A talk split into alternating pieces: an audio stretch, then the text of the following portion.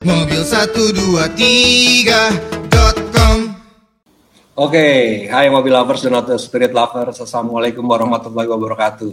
Kembali lagi bersama saya Cang Ari di acara ngobrol mobil 123. Siang atau sore ini saya kedatangan tamu spesial nih. Ini dok, seorang dokter, tapi bukan dokter manusia, juga juga bukan dokter hewan, tapi ini dokter mobil. Tuh, beliau adalah Bapak Ten Visendalika atau yang kita akrab biasa disapa Kolung Lung. Itu komisaris Ya. sekaligus founder dari dokter mobil. Selamat sore, selamat siang kok. Sore Sore, siang lah sore. ini. Iya, Apa Gimana, kabar gimana? nih? lumayan nih. Eh, untung Kayaknya masih sibuk masih banget ya. sehat-sehat. Iya. sibuk, sibuk mas. Kita Sibuk opening banget. satu office baru dan kita Weh. persiapan satu bengkel baru untuk di open. Oke. Ini menarik nih. Sebelum dimulai aja banyak pembaca yang penasaran ya, apalagi disebutin ini apa tune up terus servis AC nggak pakai bongkar. Nih orang penasaran. Jadi wah, kayaknya keren banget nih. Apa namanya ada ada inovasi apa lagi nih kalau kata eh, pembaca sama pemirsa yang lain. Nah, tapi sebelum kita mulai nih buat mobil lover sama auto spirit lover juga jangan lewatin nih. Kalau lu nih punya hadiah ada 5 voucher free fogging senilai 350.000 dari dokter mobil. Ini cocok nih di masa pandemi mobil lover sama auto lover untuk mobilnya di fogging dulu biar aman ya kok ya. Biar aman dari bakteri sama virus ya. Betul sekali. Free nilai vouchernya 350.000. Jadi nanti langsung dibawa ke dokter mobil aja apa gimana nih? Iya, langsung dibawa aja ke dokter mobil cabang mana aja, nanti bisa diklaim di situ langsung. Oke, mantap. Oke, siapin aja pertanyaan terbaik Anda untuk Kolung Lung nih. Dia pokoknya lu tanya apa aja dijawab dan ini sakti juga nih Kolung Lung nih. Masalah mobil nih sakti nih, masalah engine. Oke, mungkin uh, di awal uh, kalau Lung bisa cerita dulu nih apa dokter mobil, terus latar belakang, backgroundnya kalau Lung nih sebenarnya kalau Lung nih backgroundnya apa nih, belajar di mana apa? Silakan kok. Oke, eh, mungkin dokter mobil dulu ya. Dokter mobil kita mulai mungkin udah lima tahun lalu ya eh, di B- satu bengkel kecil di Kelapa Gading. Jadi dulu ketika kita mulai itu memang eh, setelah saya resign dari kantor saya yang lama dan setelah saya resign itu saya sempat bisnis dulu satu jenis bisnis dan kemudian itu bangkrut. Jadi dari bangkrut itu saya buka dokter mobil eh, dan ya di situlah mimpi kita mulai gitu loh. Nah ketika orang membuka sebuah bisnis, kita kan harus menjadi yang berbeda nih. Namanya unique selling proposition. Nah, ke perbedaannya itu kan kita harus cari nih antara apa yang kita berikan dengan apa yang bengkel-bengkel lain berikan nih. Contohnya kayak misalkan saya kan baru anak kemarin sore nih main di dunia perbengkelan ceritanya. Nah, apa yang bisa membuat eh, orang itu datang ke tempat kita eh, dibanding datang ke tempat bengkel-bengkel lain yang sudah 20 tahun, 25 tahun, itu ada dan banyak gitu loh kompetitor kita yang besar-besar. Nah, di situlah baru saya mulai berpikir gitu loh, eh, gimana sih caranya kok eh, kita ini ma- bisa dipilih di, di- oleh si customer di antara pilihan-pilihan mereka yang lain. Nah, eh, di situlah baru saya kerucutkan apa spesialisasi dokter mobil sampai ke eh, apa dokter mobil itu terkenalnya tuh dengan apa sih gitu loh.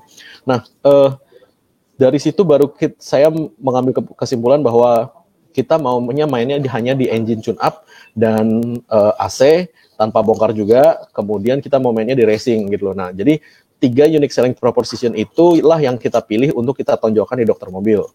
Nah, kenapa tune up? Eh, jadi gini, dulu eh, ketika saya masih sekolah, saya masih sekolah di luar. eh, dulu saya sekolah di Australia, Sydney, eh, University Western Sydney. Saya S2 Mechatronics and Robotics. Nah, jadi eh, saya juga pernah kerja di Holden, Ford. Eh, sebelum itu di racetrack engineer-nya. Jadi saya benar-benar apa ya, tahu lah gitu loh mobil ini butuhnya diapain gitu loh dan eh, ketika kerja juga di Indonesia juga saya dulu pernah kerja jadi chief mekanik alat beratnya untuk salah satu perusahaan tambang di Indonesia. Jadi untuk masalah mobil bensin diesel itu sih udah biasa. Cuman yang luar biasa ketika ke- saya baru buka eh, dokter mobil itu sensor-sensor mobil zaman sekarang yang luar biasa banyaknya dan ribetnya untuk mobil-mobil Eropa.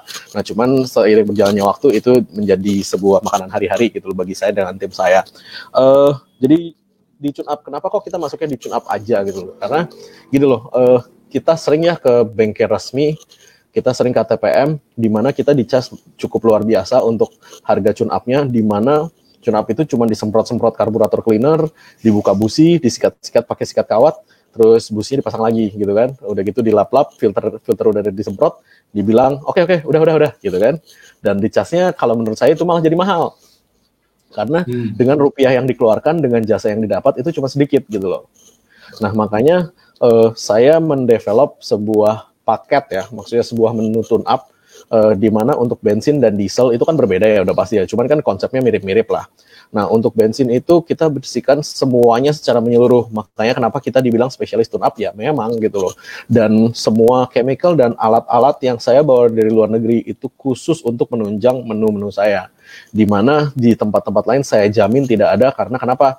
E, mereka kan follower, Pak. Yang menciptakan tune up tanpa bongkar di Indonesia kan pertama kita jadi resep itu tuh benar-benar saya uh, apa namanya saya riset benar-benar supaya kenapa setiap mobil yang masuk ke situ yang problemnya hanya dari gara-gara butuh dicun up itu hilang. Jadi kayak misalkan uh, tarikannya lemot, ngelitik, berebet, uh, itu tuh hilang total. Bahkan sampai kayak uh, Nissan Grand Livina yang memang hobinya ngelitik itu saya bisa garansi ngelitiknya hilang gitu loh. Dan hmm. Avanza Avanza lah ya. Avanza Xenia kan gelitik wajar tuh.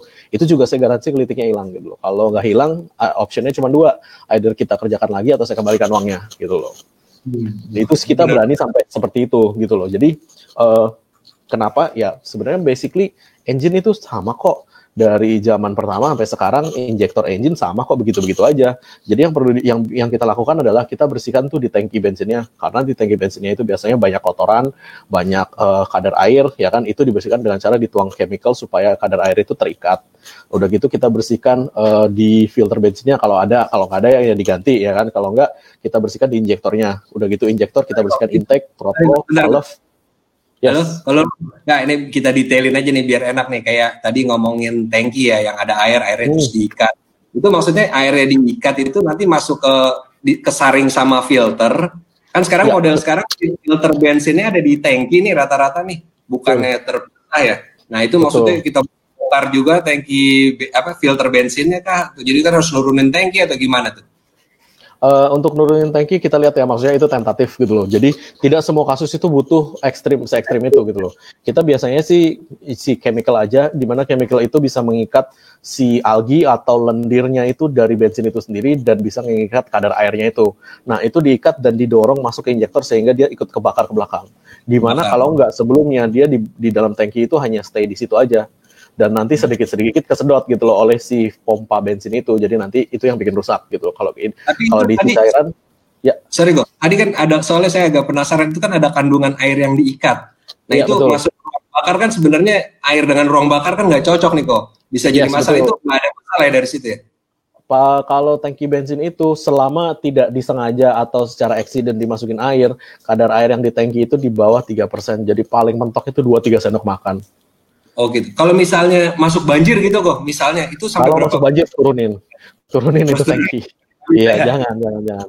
Kalau misalkan di pemakaian normal itu paling satu dua sendok makan. Iya. Oh berarti itu penguapan yang dari bensin aja ya, bukan betul, air betul, betul. Dari bukan air yang dituang masuk betul. Oh, nah, ingat tuh, begitu, tuh. Jadi bukannya air ya di tangkinya ada air, tapi emang ada uh, ada penguapan dari bensin, ya. nanti ntar airnya yang diikat terus masuk ke ruang bakar. Mungkin kadar airnya juga sedikit, jadi di, bisa load masuk ke ruang bakar ya tanpa yes. mengganggu mesin ya. Nah, jadi uh, poinnya dari si chemical ini adalah mendistribusikan kadar airnya itu secara merata di bensinnya. Jadi nggak masuk itu terlalu banyak kadar airnya. Hmm. Jadi ketika dicampur chemical itu, jadi si dua sendok uh, air itu akan tercampur dengan si bensin satu tangki. Jadinya oh, gitu jadinya ketika terbakar itu tidak menimbulkan problem. Kalau oh, si jadi si dua, jadi nggak dua sendok langsung masuk, tapi diurai dalam satu tangki gitu yes, maksudnya. Satu tangki. Nah, fungsinya chemicalnya itu.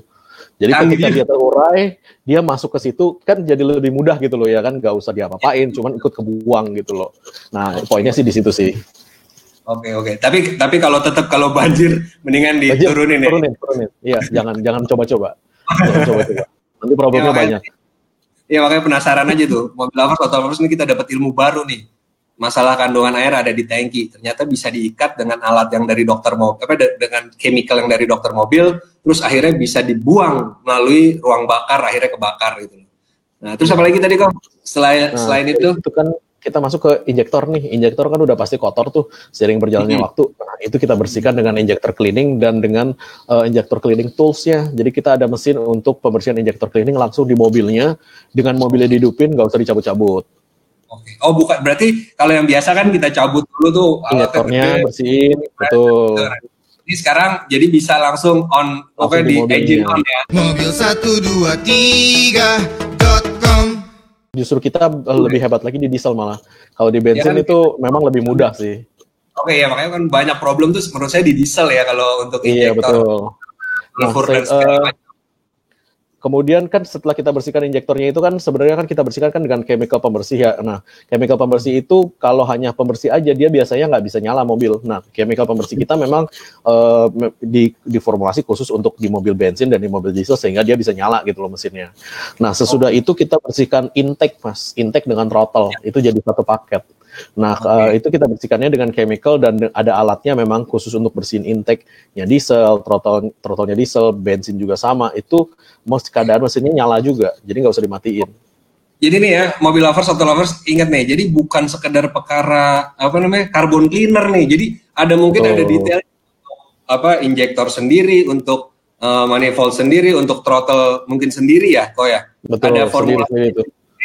Betul, beda-beda itu apa kita kan biasanya kalau ngeliat tuh ada yang merek D, D bintang S tuh itu kan laku uh banget tuh main protayo tuh montir biasanya itu untuk semua biasanya kan. Nah kalau ini mungkin dokter punya spesifik tergantung materialnya mungkin kok ya? Iya, jadi gini, kalau uh, montir-montir yang semprot satu untuk semuanya itu, itu di uh, itu berarti dia biasa mengerjakan mobil-mobil Jepang yang agak lama umurnya. Nah, untuk mobil-mobil okay. yang kelas baru itu kita nggak usah ngomong jauh-jauh aja deh. Uh, Nissan Grand Livina Anda semprot deh coba itu throttle-nya dalam keadaan mobil nyala. Saya jamin error gitu loh. Oh, nah, gitu. uh, yang tadi engkau bilang agak ini ya sensornya, sensornya agak iya betul. Jadi seiring berjalannya waktu kan kita mapping semua sensor-sensor yang ada di mobil sehingga ya. kita mengerti apa yang harus dibersihkan sehingga sensor itu pun tidak terganggu gitu loh. Karena ketika oh. sensor itu kena semprot yang namanya karburator cleaner itu putus, saya jamin putus itu. Dan nah, itu banyak uh, banyak banyak banyak banyak banyak banget. Nah, Makanya ada di situ kan kita juga uh, menggunakan chemical yang yang terakhir ini malah chemical saya water based semua. Jadi untuk pembersihan okay. manifold itu water based sehingga uh, dia kena sensor pun aman. Karena untuk diesel itu sensornya ada di dalam ujung manifoldnya itu nanti itu. Okay. Nah, Tapi sehingga uh, ini saya dengar juga water based itu sebenarnya agak problem sama material engine nggak kok? Itu soalnya dulu ada yang bilang tuh kalau water based tuh takutnya en mengganggu engine gitu, apa menimbulkan karat okay. segala okay. macam gitu. Nah, ketika kita bilang water base, sebenarnya kadar waternya itu cuma 7%, sisanya alkohol. Oke, okay. jadi sedikit sekali ya. Sedikit sekali, jadi itu hanya untuk dilusi, sehingga si alkohol ini bisa bekerja untuk membersihkan si dinding-dinding yang ada kerak-keraknya itu. Nah, itu jauh lebih efektif sih, dan uh, selama ini kita pakai sih malah bagus untuk di dieselnya kayak BMW, Mercy diesel itu malah bagus-bagus gitu loh. Kalau hanya kelasnya Pajero, Fortuner itu mah udah gampang lah itulah. Kalau kelasnya sampai BMW, Mercy itu kan sensornya banyak tuh. Nah itulah yang kita mau hindari. Makanya kenapa chemical kita water base. Hmm. Oke, okay. nah, itu keuntungannya ya dari water base tuh nggak apa nggak mengganggu sensor ya. Sensor, betul betul betul. Ideal banget nih. Nah. Jadi uh, mobil lovers auto lovers ini tanpa sampai sejauh ini belum ada kata bongkar kecuali tadi tangki yang kemasukan air kalau banjir sampai nah, itu sampai di, di, sampai di injektor nih belum ada kata bongkar baik mobil diesel maupun mobil bensin yes. ya benar kok ya nah, betul mungkin karburator ya Ya kalau throttle mah wajar lah ya, throttle dibuka kan disemprot wajar lah itu ya. Kalau enggak kan nggak bersih total kan dia kan. Betul, betul, itu kan di atas lagi juga nggak ya. nggak nggak gitu. Betul. Nah, kemudian abis dari injektor kan uh, otomatis ketika kita bersihkan intake itu kan valve juga ikut bersih tuh valve inlet ya. Inlet valve-nya ya. itu ikut bersih sehingga dia benar-benar flow anginnya itu bisa lancar. Nah, setelah itu ya. semua dibersihkan, baru kita masuk ke yang orang-orang sering bilang carbon cleaning. Nah, itu biasa ya. namanya uh, pembersihan ruang bakar di kepala pistonnya itu kita isi obat, kita tarik lagi keluar. Nah, kemudian yang terakhir setelah itu kita lakukan adalah catalytic cleaning sehingga katalitiknya itu juga bersih. Di mana kebanyakan orang melupakan fungsi katalitik. Fungsi ya. katalitik itu kan menyaring nih kotoran yang keluar dari engine nih. Nah, jadi ketika kotoran mobil itu udah dipakai dan kotoran itu tersaring otomatis si katalitik kan mampet nih lama kelamaan. Ya. Nah, ya. mampetnya itu bu bukan berarti langsung rusak mobil, enggak. Mobilnya jadi rasanya berat. Karena kenapa? Exhaust atau udara gas buang yang keluar itu, itu jadinya enggak maksimal keluarnya. Nah, itu mampetnya kita longgarin lagi, ya kan kita plongin satu-satu, kita bersihin semua satu-satu, sehingga dia ketika eh, apa namanya dibersihin satu-satu itu semuanya dibersihin satu paket itu biasanya sih mobilnya langsung jauh berasa bedanya gitu loh. Oh, gurah kali kok kalau orang. Iya. Jadi ibaratnya semua lah dari tangki bensin sampai ke knalpot kita bersihin, masa ya nggak berasa kan gitu kan? Orang bilang biasanya bersihin uh, throttle aja berasa gitu kan? Saya tertarik nih sama yang katalitik nih. Belakangan kan banyak katalitik yang sebenarnya bermasalah tapi nggak diakui juga sama pabrikan mobil yang menimbulkan engine tuh. Kan oh. mungkin uh, lo, lo tahu kan yang kadang-kadang oh. digas tiba-tiba bau tuh. Oh, nah, baunya pedas. Malnya pedas. Nah, itu kan dari katalitik itu bisa nggak kok untuk ngilangin itu? Katalitik dihilangkan bisa, cuman saya sarankan tidak karena uh, nggak bagus untuk uh, apa efeknya itu dihilangin gitu loh yang baunya Katalit ganggu. Katalitik kalau itu dihilangkan tidak green green gas mas. Jadi Efeknya, ketika bukan katalitiknya, efek oh, bau panasnya itu tuh kan itu mungkin kan karena dia kan bahannya panadium tuh kalau nggak salah. Hmm. Itu mungkin nggak cocok sama sulfur yang ada di bensin di bahan bakar, di akhirnya terbakar dan terus bau mungkin karena ronnya Indonesia juga sedemikian kan yang kita tahu. Itu gimana tuh kok apa jadi solusi gitu loh? Jadi, banyak banget kalau ke bau mas. ya? Jadi kanker oh. itu mas lama-lama kalau dicium terus baunya itu. Ya, itu ini kan uh, banyak pembaca nih yang apa namanya mengeluh gitu loh. Siap, siap, Ketika siap. digas tiba-tiba bau mobilnya ternyata diteliti dari uh, katalitik. katalitik gitu. Itu bisa nggak oh. tuh kok dicari solusinya tuh? Bisa kalau dibersihin bisa. Jadi intinya sih katalitik itu butuh pembersihan lah ya. Uh, mungkin nggak setiap uh, apa namanya nggak setiap tahun juga. Cuman karena kita melakukan pembersihan itu kalau kita bersihkannya itu rutin sehingga obat yang dipakai juga nggak usah terlalu keras. Karena kalau obatnya terlalu keras seperti kalau katalitik ada mampet itu kita obatnya beda lagi tuh. Uh, kalau katalitiknya mampet obatnya dua step, satu untuk ngerontokin, satu untuk nyuci. Kalau yang nggak nggak nggak uh, mampet hanya sekedar kotor aja kita obatnya malah water base sehingga si katalitik oh, gitu. ini aman malah kan ada sensor O2-nya itu di belakang. Nah, ya, itu betul. sensor kalau kena uh, apa namanya obat yang terlalu keras itu saya jamin error. Oh, gitu. Nah, di mana makanya kita ke, suka menggunakan chemical yang sesuai lah untuk dengan peruntukannya. Jadi uh, ketika dibersihkan itu uh, ya ngemposnya hilang, bau-baunya hilang, nggak pedas juga di mata gitu loh. Berarti kalau menurut Kolunglung itu salah uh, konstruksi sih nggak mungkin rasanya apa salah bahan Enggak. bakar. Salah bahan bakar. Bisa dalam bahan bakar nah, ini. Iya. Ini jelas di mobil lovers atau lovers. Jadi kandungan bahan bak. Jadi kebanyakan itu kan mobil yang didatangkan CBU kebanyakan ya. Yang berikut dengan katalitik akhirnya menimbulkan bau itu biasanya mobil-mobil CBU. Mungkin uh, kualitas kadar apa kualitas bahan bakar di negara asal dengan di Indonesia itu berbeda. Jadi ya, berbeda. Uh, bau itu yang timbul. Tapi mungkin, nah bisa diakalin ya kalau lo nih. Jadi langsung bawa ke dokter mobil aja gimana kok? Biasanya sih kita lakukan pembersihannya intens, uh, maksudnya setiap 6 sampai 8 bulan sekali gitu loh. Cuman kalau misalkan atas request si ownernya kayak misalkan uh, Land Cruiser, kayak beberapa jenisnya dan juga itu kita bisa mapping sih uh, ECU-nya supaya itu katalitiknya di, dimatiin aja sekalian gitu loh sensornya. Oh, gitu. Sehingga ketika dia ganti knalpot, cek engine-nya nggak nyala gitu loh. Itu bisa. Tapi kan katanya tadi nggak ramah lingkungan. Nggak, nggak ramah lingkungan, nggak ramah lingkungan. Tapi kencang mobilnya. Tapi mobilnya lebih ngeplong lah ya. Iya. Lebih banyak. Betul, menarik. betul. Yang katalitik tuh menarik tuh soalnya eh, belakangan kejadian ini banyak dan di apa ya gimana ya kayak didinai juga sama APM karena mungkin saya juga nggak tahu terus sebenarnya kan itu masuk kalau misalnya regulasi euronya benar mungkin nanti mungkin Betul. itu bisa kena kalau mau perpanjang STNK. Soalnya Jadi, gini, mobil yang masuk itu Euro 6. Yang salah yang punya bensin, apa yang punya mobil? Oh aduh, saya nggak tahu deh itu ya. yang jelas mobilnya masuk standar Euronya Euro 6. Cuman uh, bensin yang dijual di pasaran yang paling tinggi aja kan nyampe gitu loh. Jadi ya udahlah. Ada nggak? Nah ini satu lagi nih, kebanyakan juga orang uh, ter apa ya bukan terperdaya ya mempercayai uh, apa namanya obat-obat penambah ron atau penyempurna uh, molekul bahan bakar itu gimana tuh menurut kalau tuh? Oke, okay. uh, oktan booster itu tetap ada ya namanya oktan booster dan itu produk itu juga banyak di pasaran. Yang harus diperhatikan itu dua hal sih. Oktan boosternya itu kualitasnya apa. Karena ketika oktan boosternya itu kualitas rendah, biasanya menimbulkan kerak di ruang bakar. Itu ya. satu. Ya. Yang nomor dua adalah ketika Anda naikin kadar oktannya, Anda tahu nggak naikin kadarnya itu berapa. Kalau ketinggian, malah engine-nya menjadi panas. Blok mesinnya ya. bisa jebol. Ya. Lagi itu kebanyakan pikir sih kandungannya mungkin kapur barus doang kali terus di rebrand Mobil 123.com mereknya bagus dulu. Jadi Anda tahu nih uh, bedanya antara oktan booster yang beneran sama yang abal-abal gitu loh. Saya sendiri sih nggak pakai nggak pernah pakai sih oktan booster sih.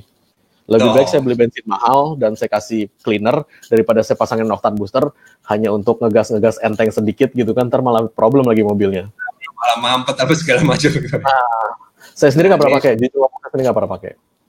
Auto lovers, mobil lovers, dokternya aja nggak nyaranin nih. Dokternya nggak nyaranin kita untuk pakai oktan-oktan booster nih ya. Gimana Anda gitu loh. Terserah pilihan ada the choice is yours ya. Cuman ya. kita sih di sini kita nggak menyarankan karena uh, takutnya di kemudian hari menimbulkan ada efek samping lah ya di kemudian Betul. hari. Betul. Anda okay. mau kenceng bukan begitu caranya gitu loh. Ada banyak caranya untuk bikin mobil kenceng ya kan. Ngomongin racing nih. Nah, ntar ya. nanti tunggu nah, nih ngomongin. Nah, ini ada lagi ceritanya. Nah, kita jadi tadi kita review sebentar tadi mobil diesel, mobil bensin di tune up tanpa apa pembongkaran termasuk membersihin kerak di piston itu kecuali parah banget baru diangkat uh, silinder headnya kali kok ya? Gak usah Enggak juga. Pakai chemical gue jamin rontok. Iya. Nanti mekanik zaman dulu tuh cerita mekanik zaman dulu ini udah mekanik modern nih jadi Betul, kayaknya udah integrasi sih dengan chemical yang bagus dengan alat yang bagus. Even diesel pun sebenarnya kita udah nggak usah copot injektor untuk ngebersihin piston. Kita isi aja pembersih uh, piston itu dari si injektor cleanernya itu. Karena diesel itu kan nggak pakai busi, hidupnya itu kan pakai kompresi. Jadi kalau kita isi obatnya lebih banyak, itu dia bisa bersih sendiri kok.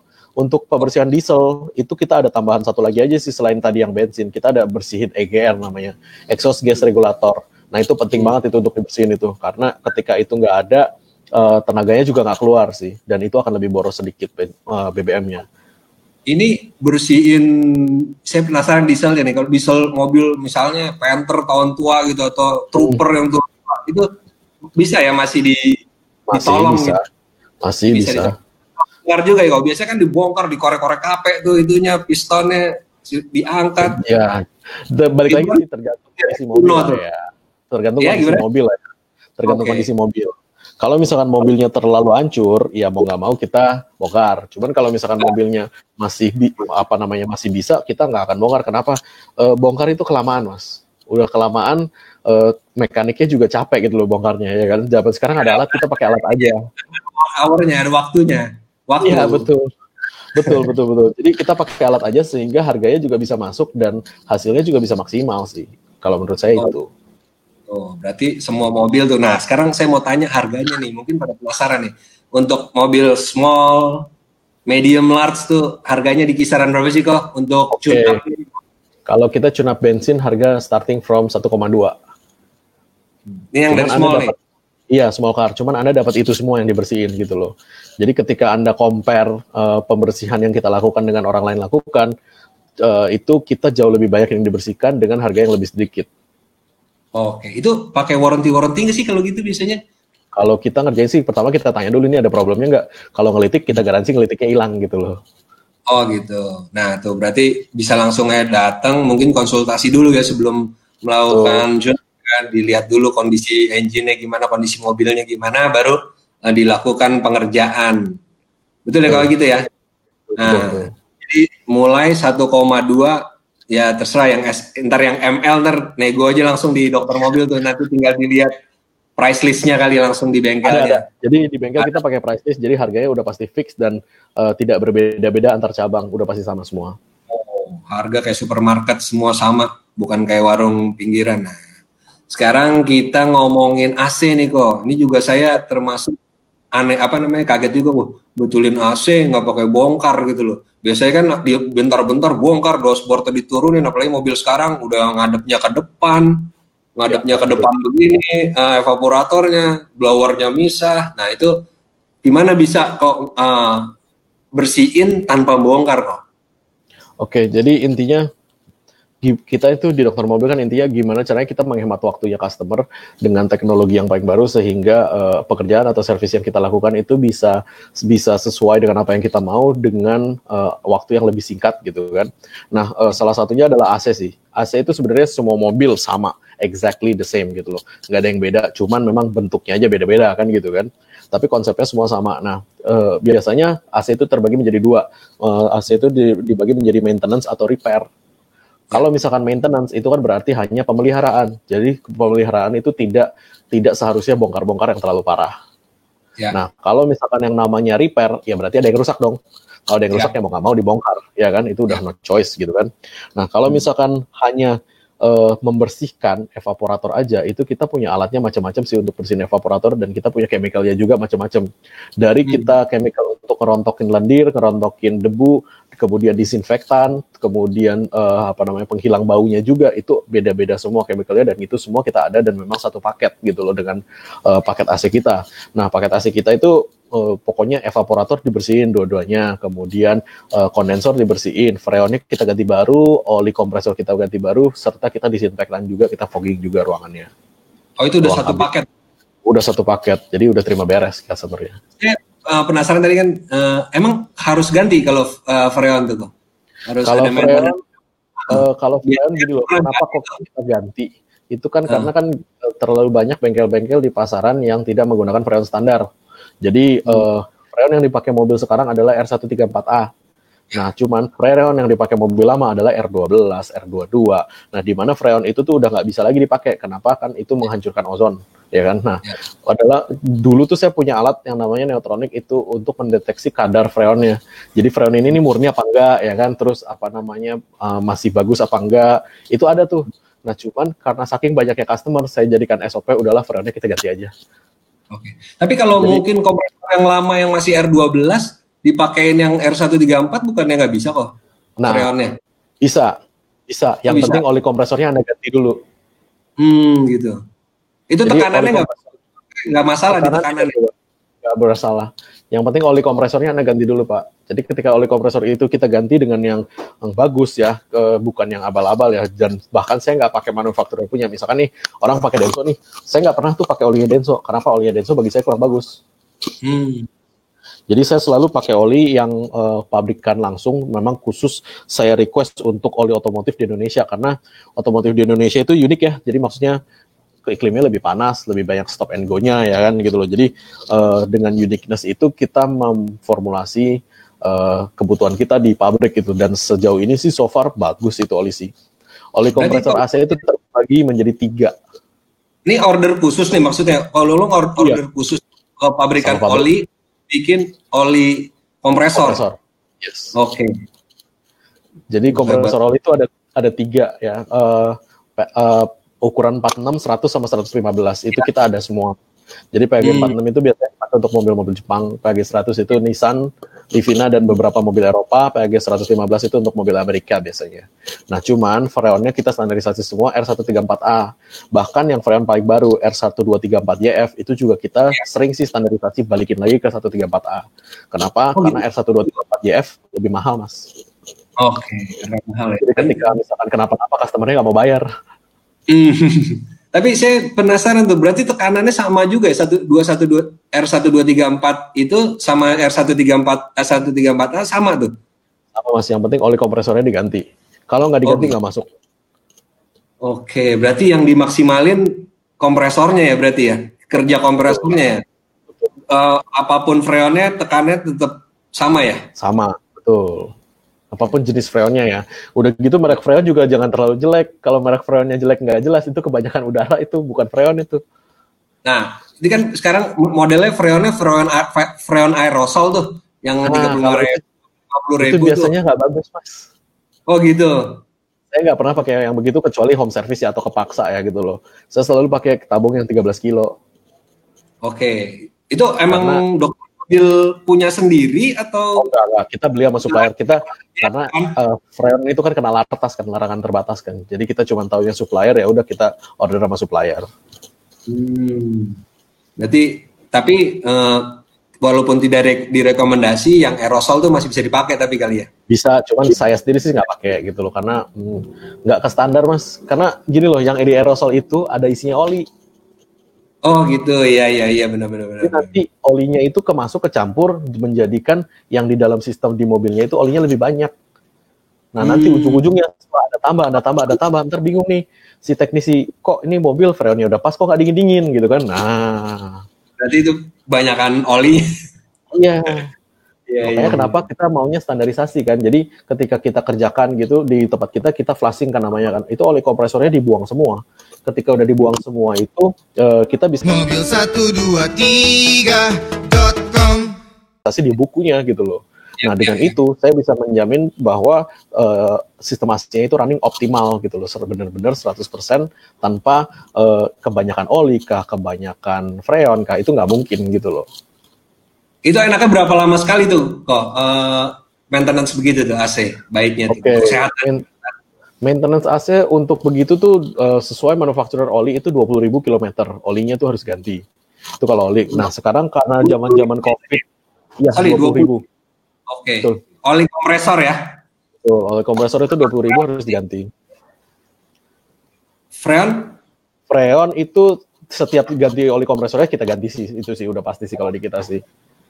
Nah eh, kalau misalkan untuk eh, si part-part lain untuk dibersihkan kan sekarang lagi zaman pandemi nih makanya kan kita lagi galakin untuk kebersihan AC-nya dengan kabinnya itu sih biasanya sih cuci AC dan disinfektan kabin itu sebulan sekali mas minimal mas sekarang mas sudah mas Oh karena gitu lagi ya. pandemi corona kan gitu loh.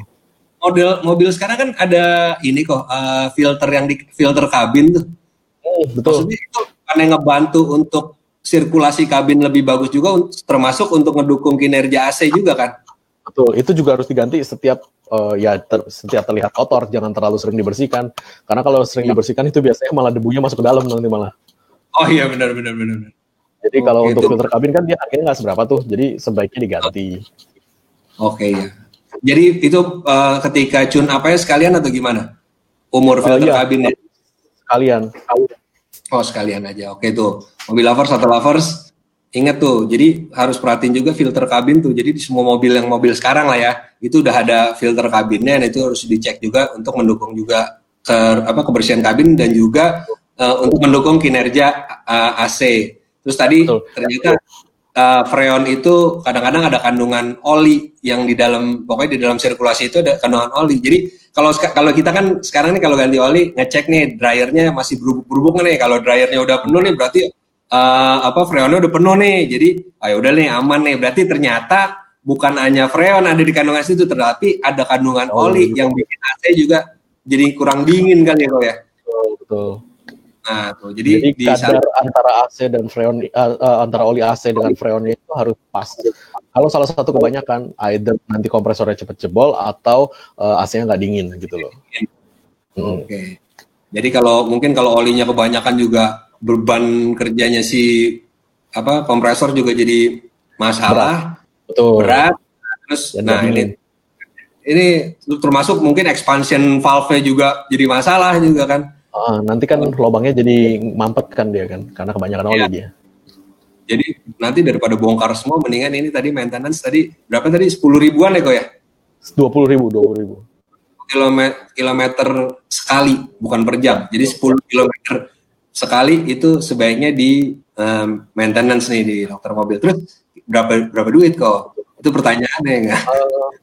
Kalau untuk mobil small sama lah, starting from 1,2. Oh, 1,2. Ini kayaknya angka hoki nih 1,2 nih dari tadi 1,2 semua nih. Nggak mau meleset. 1,1, terus kena pajak jadi 1,2. Oh, karena pajak ternyata. Oke, oke, oke. Jadi itu mobil lovers atau lovers, masalah apa namanya AC nih. Ini AC kan banyak juga eh, yang ketipu-tipu nih. Orang AC-nya nggak dingin karena apa? Main bongkar aja tuh tukang. Betul. Nah, kenanya bisa mungkin berjuta-juta. Mungkin bisa konsultasi dulu di dokter mobil. Mungkin aja AC-nya cuma kotor atau tadi problem Yes. oli yang ada di apa? Problem oli yang ada di freon atau masalah-masalah yang sebenarnya bisa dengan mudah diatasi tanpa harus ngebongkar dan dibohongin wah ini mampet nih kondensor bocor ini segala macam kan biasanya gitu tuh kok kalau di bengkel Iya, AC betul. tuh ada Jadi- aja apalagi kalau kenal Iya, jadi karena kita kan bengkel kita kan dokter mobil juga udah terstandarisasi ISO ya 9001 2015. Jadi uh, diagnosis kita itu bukan karena feelingnya si teknisi enggak, karena memang ada step by stepnya apa yang harus dicek gitu loh. Jadi lebih iya lebih terjamin lah periksanya lah gitu loh. Komprehensif nih pemeriksaannya pem, apa per, pemeriksaannya komprehensif nih mau ininya dulu yang diperiksa. Ya bisa untuk misalnya ada diagnosi eh diagnosa AC-nya nggak dingin. Jadi bukan melulu bocor bukan melulu apa segala macam tapi sebaiknya diperiksa dulu supaya penyakitnya bisa diketahui baik terus nggak makan banyak biaya karena tepat sasaran nih perbaikannya nih. Nih hmm. jadi yang trauma-trauma sama bengkel AC di pinggir jalan mungkin bisa konsultasi dulu di dokter mobil terus ya kalau itu nggak rusak ya, ini kan bicara maintenance. Tapi kalau tiba-tiba kompresornya jebol memang jebol atau ada uh, kondensornya bocor atau evap bocor atau ada saluran yang bermasalah, expansion valve juga bermasalah. Nah ini mungkin bisa juga kok itu memperbaiki bisa. itu kok. Bisa bisa, bisa. repair kita juga bisa. Overhaul kompresor gitu misalnya. Bisa bisa. Apa di AC? Uh, kalau misalkan tergantung sih, kalau misalkan mobilnya agak unik ya, maksudnya kayak kita sering dapat mobil-mobil susah gitu kan, uh, ya. itu sih kompresornya ya kita overhaul gitu loh, kita perbaiki, kita pasang ulang. Kalau misalkan untuk mobil-mobil yang kompresornya dengan mudah kita dapat di pasaran, saran saya sih ganti. Kenapa kompresor oh. overhaul nggak tahan lama? Oke, tuh tetap tuh mobil lovers atau lovers, jadi jangan main, wah nih ganti aja nih pistonnya nih apa segala macam, dibongkar aja apa cuman seal-sealnya dong nah mending iya. ada masalah mendingan langsung di apa diganti baru aja ganti esi ganti biar aman. AC, ganti esi kan terus kita maintenance supaya pakainya ini bisa lama gitu loh. Kecuali kan mobil-mobilnya kayak dulu kita pernah dapat uh, Porsche ya Carrera terus kita pernah dapat VW Kombi itu spare partnya nggak ada gitu loh. Jadi mau nggak mau kita perbaiki gitu loh. Iya. Yeah. pistonnya apa segala macam jeroannya ada kok? Paleknya apa segala Oh bikin? bikin. Dulu sampai bikin. Bikin. Wih. Karena nggak ada yang jual kan kita cek copotan juga nggak ada mau nggak mau bikin. Yang rotari juga bisa bikin?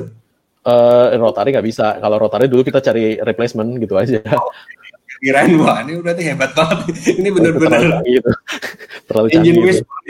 Kalau kayak gitu. Jadi, wah jadi menarik juga nih uh, mobil lovers atau lovers ini terutama saya nih dapat ilmu banyak ilmu baru nih ngomong sama dokter Lung Lung nih. Jadi banyak saya dapat ilmu baru nih. Uh, terus apalagi ya? Uh, uh, Oke okay, AC tadi yang penting nggak rusak. Mentes. Nah sama ini nih, kayaknya mobil-mobil sport nih. Biasanya kan juga ada yang orang main matiin AC aja, terus hidupin AC padahal lagi full throttle. Terus sebenarnya kan ngebebanin kompresor tuh itu ada tips lah kok. Betul. Ada anak saya bilangin nggak pada percaya soalnya kok. Betul, oke. Okay. Di kompresor itu ada yang namanya magnetic clutch. Nah, magnetic yeah. clutch itu yang memisahkan antara putaran si puli engine ke putaran kompresor. Hmm. Nah, jadi ketika Anda nyalain AC, sebaiknya tidak di RPM yang ketika Anda lagi geber-geber. Kenapa? Ketika Anda nyalain di RPM tinggi, berarti si magnetic clutch itu harus menyesuaikan RPM-nya ke RPM itu dari RPM-nya 0. Ya. Kan si kompresor nggak berputar tuh nol. Nah, ketika engine Anda berputar 4000 RPM, berarti dari 0 ke 4000 harus dalam 2 detik gitu kan, which is impossible. Nah, itu yang kebakar adalah yang namanya magnetic clutch-nya gitu loh. Nah, makanya sebaik mungkin sebisa mungkin uh, Anda nyalain itu ya normal-normal aja gitu loh. Jadi di bawah di bawah RPM 2000 ya. Iya. ya. Kalau Anda geber-geber Anda nyalain itu magnetic clutch-nya yang kebakar. Oh dengerin tuh mobil lovers auto lovers ini kebanyakan kalau dikasih tahu pada nggak percaya sih. Gak apa-apa ini dokter magnetic class kan baru berasa gitu kan. Baru yang kerasa. Nah iya, kan oke oke. Uh, bisa apalagi kok yang dari AC bisa diceritain Uh, AC sih sekarang sih lebih banyak sih ke kebersihan ya karena AC itu kita sering banget dapat yang ada isinya tikus lah, yang ada isinya uh, bayi-bayi tikus lah, kemudian ada cecak mati itu sering, uh, sarang burung juga ada pernah ada, bekas muntahan anak-anak juga pernah ya. Se sebenarnya AC lebih ke kebersihan sih.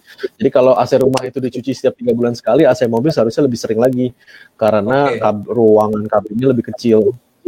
Ya, ya, ya, ya, ya. Tuh. Oke, sekarang ngomongin yang racing bentar ngomongin yang racing Oke, deh kok. Siap. Mau mulai dari mana nih? Racing itu sebenarnya simpel kok. Uh, bebas, ketika, bebas. Oke, okay, kita ketika kita kita di dokter kaidah dasar aja ya engine ya. Engine itu kan membutuhkan bahan bakar untuk dibakar, uh, kemudian membutuhkan api, ya kan, kemudian membutuhkan angin, udah gitu setelan dari si ECU sendiri dan kemudian si oli itu sendiri, oli mesinnya itu sendiri. Nah, uh, kalau mau bikin mobil Anda kencang, gampang. Anda gedein anginnya, gedein apinya, olinya Anda benerin, settingan ECU-nya Anda bagusin, itu sejamin kencang dengan tidak menambah boros terlalu signifikan di mobil Anda gitu loh. Nah, caranya nambahin angin kencang gimana? Ada replacement filter, ada yang namanya open filter kalau untuk mobil manual atau turbo. Terus ada yang banyak lah produk-produk lain kan untuk untuk udaranya ya gitu loh. Kita ada nano airjet juga, kita ada cyclone, ada PCV, ada kompresor gitu loh. Jadi beberapa banyak lah itu. Itu fungsinya untuk memperbesar angin yang masuk. Jadi hmm. uh, kita maksain angin masuk ke dalam si engine bay itu gitu loh. Nah, kemudian yang kedua adalah pengalihan. Gimana caranya apinya ini kita gedein? Salah satunya adalah pakai busi yang bagus. Yang nomor dua adalah kalau busi doang, coilnya standar, itu juga percuma. Ya. Karena nah. apinya mulainya dari coil gitu kan. Sumbernya dari Nah, coilnya juga diganti yang bagus. Ketika coilnya diganti yang bagus, groundingnya juga ditambah. Karena hmm. kenapa? Ketika dia yang percik, groundingnya nggak ada yang balik ke aki lagi, itu akan ketahan tuh di engine tuh. Ntar lama-lama jadi kecil tuh apinya. Betul, betul, betul. Nah, nah jadi ilmunya sih begitu aja sih sebenarnya sih. Intinya memaksimalkan ruang bakar ya. Ya, kemudian settingan ECU kan sekarang kan udah semua mobil udah ECU ya, jadi kan kita kan ada remap, ada piggyback, itu kan fungsinya apa sih? Kita geser semua timingnya, kita bersih, kita benerin lagi flow injektornya, kita benerin lagi flow udaranya yang masuk, kemudian torque torque limiternya kita mundurin juga gitu loh. Jadi hmm. uh, itu semuanya berhubungan sih. Jadi untuk hanya untuk Anda mau bikin mobil Anda kencang dengan tidak memakan bahan bakar terlalu banyak bisa gitu loh. Cuman jangan minta kencang terus irit, terlalu irit ya itu itu nggak bisa gitu loh. Itu kencang dengan BBM. Iya. Masa ngeren Nah, tapi kan gini kok, biasanya kan uh, pabrikan tuh ngasih bracketing itu buat uh, apa namanya lifetime gitu, safety buat uh, buat durability gitu loh. Nah itu gimana tuh kalau itu semua kuncinya dibuka-bukain, apakah uh, lifetime mobilnya jadi turun tapi dapat kencang gitu? Apa itu emang normal-normal aja begitu? Oke, jadi untuk standar remap di tempat kita, kalau customer yang nggak minta sesuatu yang spesifik, kita pasti tidak akan nge-push mobilnya sampai di ambang batas kerusakan. Jadi kita nggak hmm. nggak mungkin over push gitu loh. Uh, kalau misalkan customer yang minta yang spesifik karena memang misalkan dia buat ngedrift atau buat uh, buat kejuaraan ya nggak apa-apa kita mappingin spesifik seperti apa yang dia minta. Cuman basically oh. ketika customernya nggak minta yang spesifik kita pasti mapping di batas aman sih. Nah mapping di batas aman pun tetap akan terjadi beban lah ya ke ke si engine atau transmisi itu sendiri. Makanya kita sarankan setelah mapping itu pakai oli yang bagus, oli mesin dan oli transmisi yang bagus gitu. Jangan cuma sekedar oli nggak bisa itu udah. Karena dengan oli yang bagus itu, ya mobilnya juga lebih terlindungi dengan bagus. Terutama oli transmisi sih. Karena ketika hmm. udah di remap, transmisinya beban banget, banget banget. Oh gitu. Itu apa nanti apa uh, apa namanya uh, efeknya? Spek olinya, spek olinya jadi lebih encer atau lebih apa? Itu ada enggak? Tetap. Merek speknya sama, tapi mereknya kita bagusin. Oh gitu. Itu pengaruh ya kok ya? Walaupun walaupun uh, viskonya misalnya sama, sama. gitu, tapi mereknya beda. sama. Nggak boleh nggak boleh terlalu dibedain jauh, harus sama. Maksudnya, tapi merek tuh pengaruh ya? Mungkin pengaruh. ingredient uh, apa namanya dia biasa nambahin apa namanya aditifnya. Uh, aditifnya gitu beda ya? Itu beda memang. Karena kita mahal. kenal sama pabrik oli banyak kan, jadi kita tahu nih oli mana-mana aja yang bagus untuk hmm. oli transmisi dan oli engine-nya. Makanya ke, oli yang kita pilih tuh uh, bukan karena kita lihat harganya ya enggak sih justru karena oli saya harganya cukup premium tapi uh, kita pilih karena memang aditif aditifnya itu sesuai banget dengan apa yang kita butuhkan di iklim tropis di Indonesia. Oh jadi mobil lovers atau lovers emang karena Indonesia spesifik terus kebanyakan mobil didatangkan dari luar mungkin harus di adjust di masalah oli nih kebanyakan tadi yang diceritain sama uh, Kolonglong nih. Jadi olinya memang Kolonglong ini menyiapkan oli yang punya spek sesuai dengan kondisi atau iklim yang ada di Indonesia ya kok ya. Agar hmm. mesin bekerja maksimal terutama terhadap hmm. panas kok ya kalau di Indonesia. Musuh utamanya panas. Panas betul.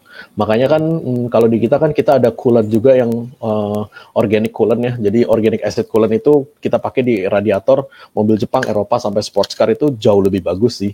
Di teman saya punya Jazz kemarin kita baru gantiin kan. Kemarin kan kita lagi ngoprek-ngoprek Jazz nih.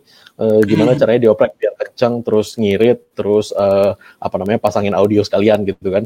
Ya, uh, ya. Itu dapat idle running temperature itu cuma 70 derajat mas siang-siang. Iya. Masa sih? Iya, ganti coolant doang itu. Kalau segitu terhadap eh, standar suhu thermal gimana kok? Jadi kondisi Karena mesin dia panas. masalah. Kan Indonesia nggak mungkin beku. Iya juga sih, cuman itu rendah banget kalau menurut saya. Sampai Jadi ketika geber-geber itu cuma naik 75 gitu. oke, itu radiatornya Radiator bener-bener standar, radiatornya Iya, standar, kipasnya standar gitu loh. Jadi engine-nya bener-bener dingin sehingga tenaganya itu yang dikeluarkan tuh enak gitu loh. Oke oke oke oke. Tapi kalau kedinginan bukannya malah suhunya nggak itu, jadi powernya nggak bisa maksimal juga kok. Itu gimana tuh Itu- hubungannya tuh? Kedinginan itu hanya kalau di daerah yang beku. Oh itu gitu. Jadi kalau di tropis gini nggak masalah ya terlalu dingin gitu ya? Mungkin ada masalah. Justru kita Oke. butuhnya lebih dingin. Karena Oke gini, ketika memuai, ketika panas itu kan si piston, ring-ring piston dan blok-blok mesin kan memuai juga tuh. Nah, Betul. pemuaian itu kita nggak mau. Karena ketika dia memuai, bebannya atau gesekannya itu pasti akan lebih besar. Oke berarti eh, mungkin eh, clearance-nya makin makin Betul. membebani dari Betul. Betul. Sampai sini nih, mikirinnya nih mobil lovers atau bener-bener dokter nih. Jeroannya bener-bener Iya, sampai kita main- mempunyai. Oh. mainnya di situ di chemical yang memang high technology chemical dengan kita aplikasi di mobil hari-hari di Indonesia itu jadinya optimal gitu loh. Karena enggak semua orang cuma berpikir bikin kencang mobil, lah coolant-nya pakai apaan kan gitu. Oh iya benar-benar. Ini ini ini menarik nih. Jadi se- mobil lovers atau lovers jadi dokter Lung Lung ini mikirin sampai pemuaian dari eh, apa namanya dari eh, spare part yang ada di dalam gitu, jeroan yang ada di dalam. Jadi masalah clearance juga diperhatikan. Jadi pemuaian kalau misalnya semakin muai itu eh, semakin berat. Eh, jadi clearance antar eh, bagiannya itu terlalu rapat.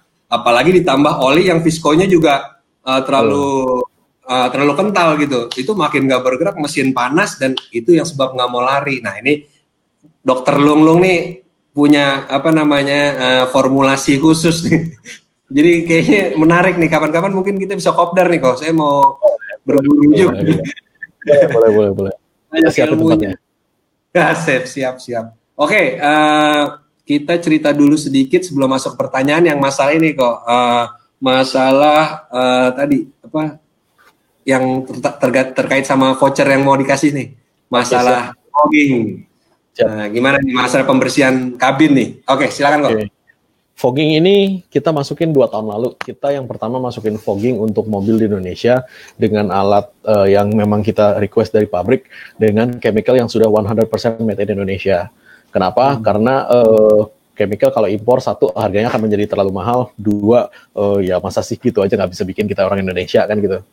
Nah, jadi makanya kenapa kita bikin di lokal sehingga eh, bahannya itu menjadi ready available dan bisa masif gitu loh. Nah, mm, dan seiring berjalannya waktu fogging ini menjadi sebuah kebutuhan karena sekarang kan lagi pada pandemi nih COVID dan segala macamnya.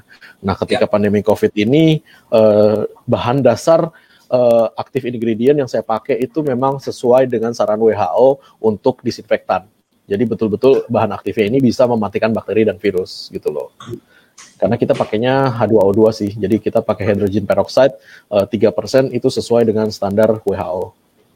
Oke, itu berarti di kalau misalnya desinfektan berarti disemprot ke permukaan terus di web apa gimana tuh Enggak, kok? kita eh, kita jenisnya asap.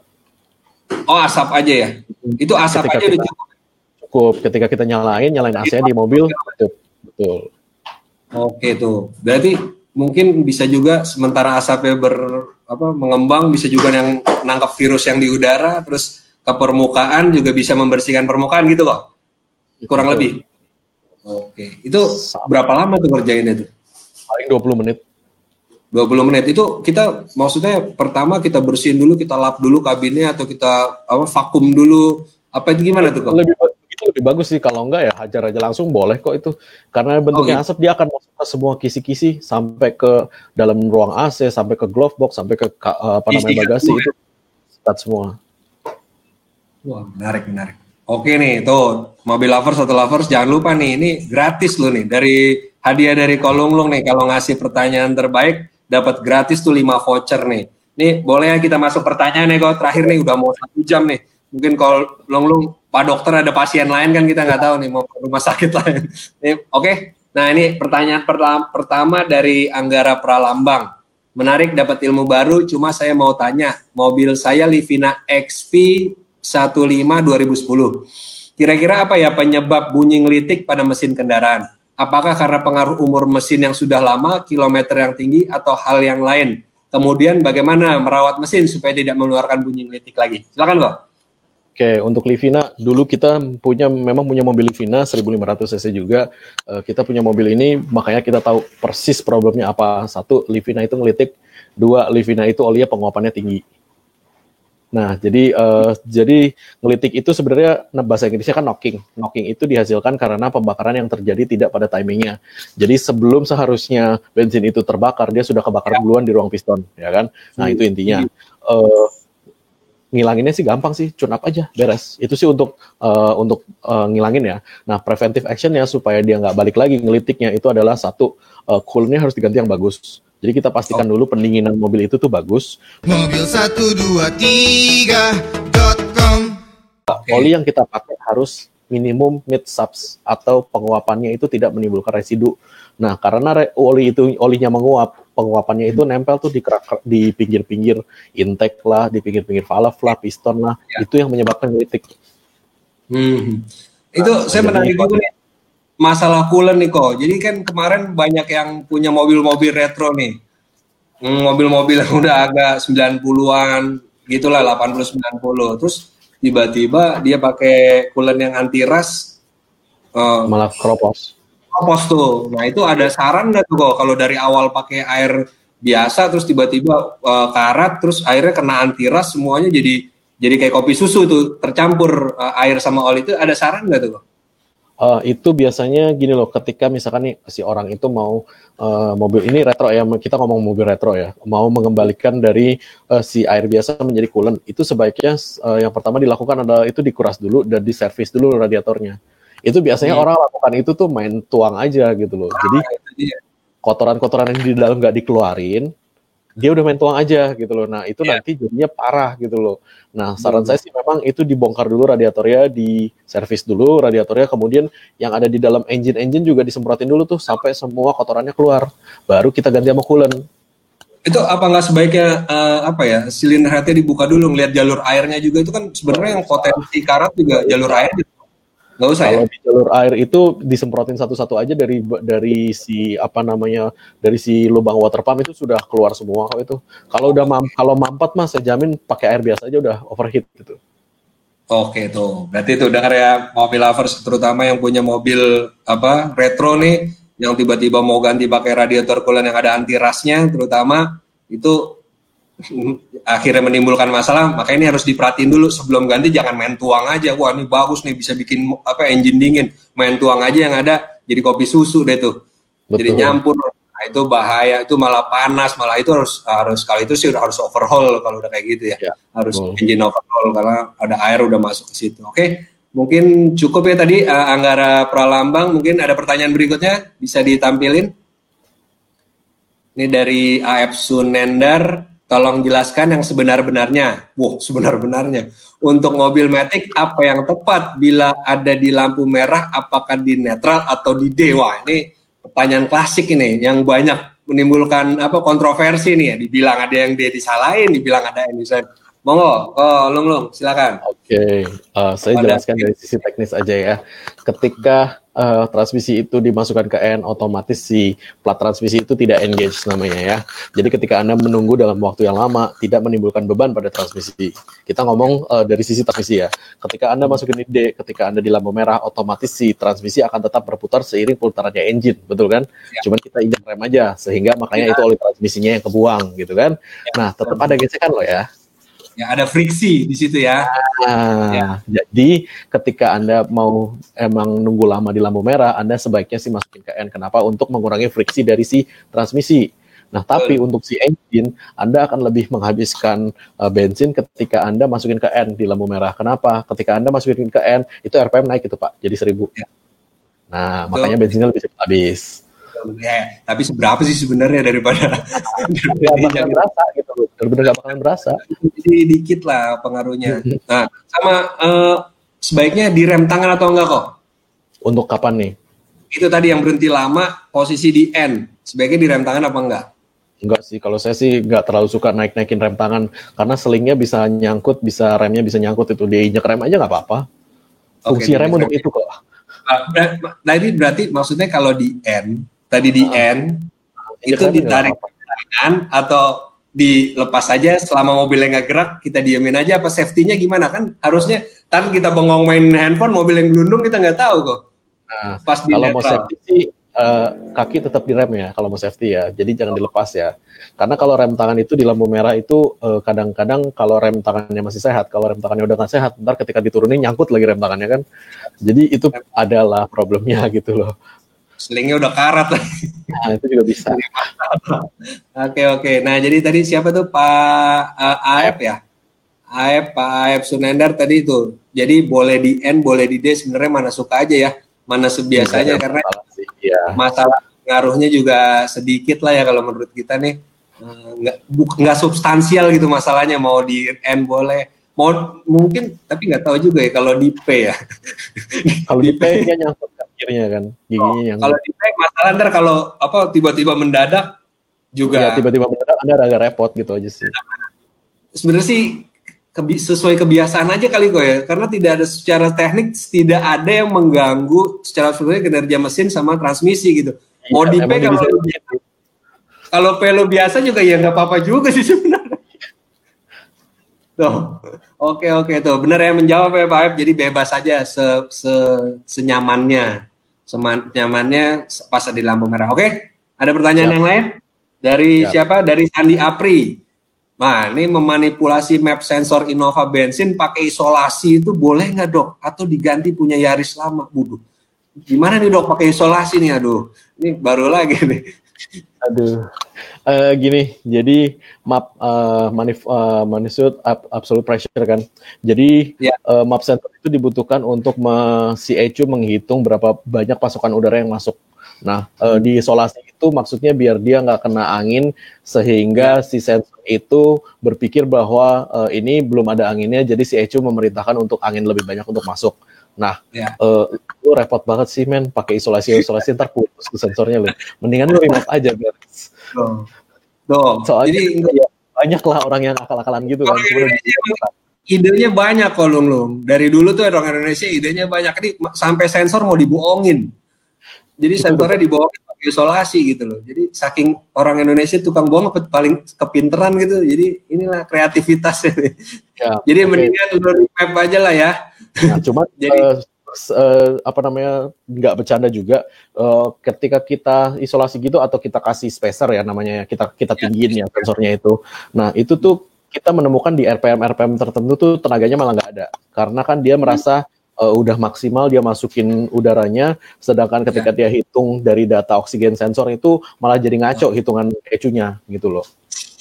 Nah itu kita menemukan, jadi bukannya bukannya bercanda gitu. Dulu kita cobain barangnya, kita bejek-bejek, kita tesin satu-satu di RPM tertentu, itu malah ada yang tenaganya hilang di RPM tertentu. Ditarikan bawahnya memang enak, teman ditarikan atasnya nggak enak. Makanya lebih baik di remap supaya kan kita tinggal kasih tahu, oke okay, volume udaranya yang masuk tuh sekian gitu loh, digedein sekalian gitu kan.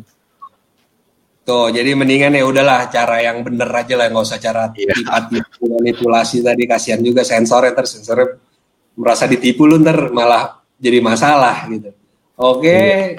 ada lagi pertanyaan voucher tiga ratus lima puluh ribu nih. Nah, ini dari Adi Hidayat. Fogging pada AC itu sebenarnya berbahaya pada AC dan interior kendaraan nggak ya? Kan dia nempel di jok dan malah beracun oh tadi yang masalah ini kok desinfektannya yes. itu betul desinfektannya kita memang pakai yang uh, H2O2 ya, jadi hydrogen peroxide, cuman dia hanya tiga persen. Jadi sehingga ketika misalkan dia itu udah selesai nempel di jok dan segala macam, Anda diemin 20 menit juga udah menguap itu. Hmm. Karena intinya kan kita kan mau mematikan virusnya. Nah, dia memang harus menempel di situ untuk mematikan virusnya. Nah, tapi kita bikin partikelnya itu kecil sehingga dalam setengah jam itu dia udah menguap semua. Oke oke tuh ya. ya. yang penting jangan ketika di fogging Anda jangan di dalam mobil ya itu nggak boleh gitu loh. Ini kan yang masalah di apa yang lagi dikembangin di mobil-mobil di Hyundai misalnya kembangin matiin itunya pakai anti UV misalnya, tapi iya. orangnya nggak boleh ntar kanker lagi ada. Iya betul. Nah, ini ini ini lagi lagi dikembangin mungkin karena virusnya masih baru juga pabrikan juga mungkin berlomba untuk mengembangin nah termasuk apa yang dilakukan Kolonglong untuk uh, ngasih desinfektan tadi. Oke, pertanyaan lagi nih, ayo siapa lagi? Oke dari Prancis Mailis Tama. Berapa lama AC mobil harus di fogging? Rekomendasi dari Kolonglong. Silakan kok. Okay. Uh, saran saya sih setiap kali anda uh, mobil anda dipakai sama orang lain. Uh, jadi kalau misalkan mobil anda anda pakai sendiri dan anda kontrol sendiri sih ya no problem. Cuman gara-gara pandemi ini kan semua orang jadi parno nih. Ya tetap sih saran saya sih sebulan sekali sih. Oke sebulan sekali tuh. Oke sebulan sekali nih kalau mobil satu dua tiga com. Pertanyaan satu lagi nih yang menang nih sebulan sekali bulan pertama gratis nih. Tinggal ntar bulan kedua aja nih yang yang bayar sendiri kalau bulan keduanya masa mau bayar gratis loh. Oke, Ferry Simpai Kampai, Fari Simpang Kampai ini bengkel di mana aja kok? Mungkin bisa ada website-nya apa kok? Ada doktermobil.com uh, websitenya. Hmm. Cuman uh, untuk bengkel kita uh, lebih banyak ada di Jabodetabek, jadi di Kelapa Gading, kemudian Serpong, kemudian uh, BSD, terus kita ada juga di Tomang, Bekasi Kalimalang, Bekasi Narogong, Cibubur, Terus kita ada lagi di Surabaya Ngagel, Surabaya Lontar, dan kita ada juga di Makassar. Oke. Itu bisa home service nggak sekarang? Bisa, bisa. Semuanya bisa, oh. tinggal di booking dulu. Iya. Oh, bisa langsung booking. Uh, lewat telepon ada di, di website ya? Ada, ada semua di website. Okay. Saya sendiri juga nggak ingat teleponnya itu. ada di website semua, ada di YouTube juga. Ada di website, ada di YouTube. Tinggal cek posisi Anda di mana, langsung cari aja yang terdekat ada aplikasi nggak kok? Uh, aplikasi belum kita lagi develop. Cuman di Facebook oh, ada juga Dokter Mobil Indonesia. Oh, di web Facebook ada fanpage-nya Dokter Mobil Indonesia ya. Nah, itu bisa dicek di mana posisi uh, apa namanya bengkel-bengkelnya, terus bisa juga apa namanya tadi uh, home service. Home service juga bisa. Ya. Iya. Itu kalau home service termasuk tune up juga bisa? Bisa semua tune up AC bisa semua. Oh, Oke, okay, Jadi bisa tinggal panggil aja armadanya juga pasti udah siap untuk melayanin uh, mobil lovers atau lovers di mana pun berada sesuai dengan posisi tempat yang ada di dokter mobil. Oke, okay, mungkin pertanyaan terakhir sebelum kita tutup nih udah satu jam lebih kok. Boleh. Dokternya udah udah puyeng nih, udah kelamaan nih. tapi tapi seru sih, obrolannya seru jadi nggak berasa waktu udah satu jam lebih nih. Oke, ada lagi operator pertanyaan yang masuk? Kalau nggak ada, boleh langsung diumumin aja siapa aja yang menang biar langsung tahu siapa yang menang langsung di running text aja diumumin pemenangnya ini berarti posisi di Kelapa Gading dong iya pak wow. Itu headquartersnya di situ ya iya kita di sini ada beberapa office dan training center juga jadi saya lebih banyak di kantor sih sekarang sih udah jarang di bengkel iya udah tinggal ini lu lu gitu-gitu doang saya berubah mas kerjanya jadi training orang sekarang. Oh, boleh dong saya ikut daftar training. boleh, boleh, boleh, boleh, boleh. Oke nih, siapa pemenangnya nih? Tolong operator segera nih dimasukin di apa di running text pemenangnya biar langsung diserahin nih sama Pak Dokter. Pak Dokter luar biasa nih ilmu jadi tambah-tambah nih ada ceritanya baru-baru. Tapi saya senang karena uh, punya inovasi untuk uh, bikin kayak tadi oli atau bikin kayak coolant yang sesuai dengan spek di Indonesia ini kalau menurut saya menarik karena mungkin sampai APM pun itu dipikirkan juga dan ini dipikirkan oleh dokter mobil gitu loh.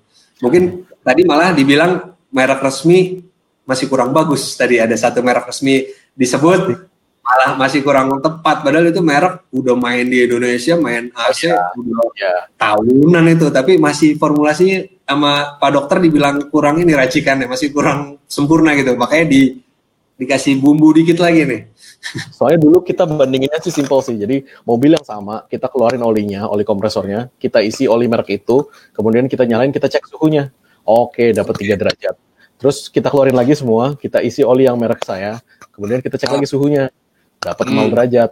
Nah, makanya saya oke okay lah, saya nggak mau pakai yang ini gitu kan, saya pakai yang baru aja gitu kan. Oh, iya. Itu uh, kalau kayak gitu bilang sama apa namanya sama pabrikan tuh gimana kok ya? Apa ada kuantitas minimum quantity kan? Uh, kalau ini pesan iya. khusus gitu loh. Jadi emang udah ada target, mungkin pesan berapa ribu liter gitu mungkin. Udah pasti, udah pasti. Udah pasti ya. Udah pasti Jadi, di target nggak mungkin nggak. Apalagi tahun Berarti, pertama. Oh, apalagi tahun pertama ya. Tapi udah jalan lima tahun sih kayaknya oke-oke aja udah. Udah udah kipas-kipas tuh.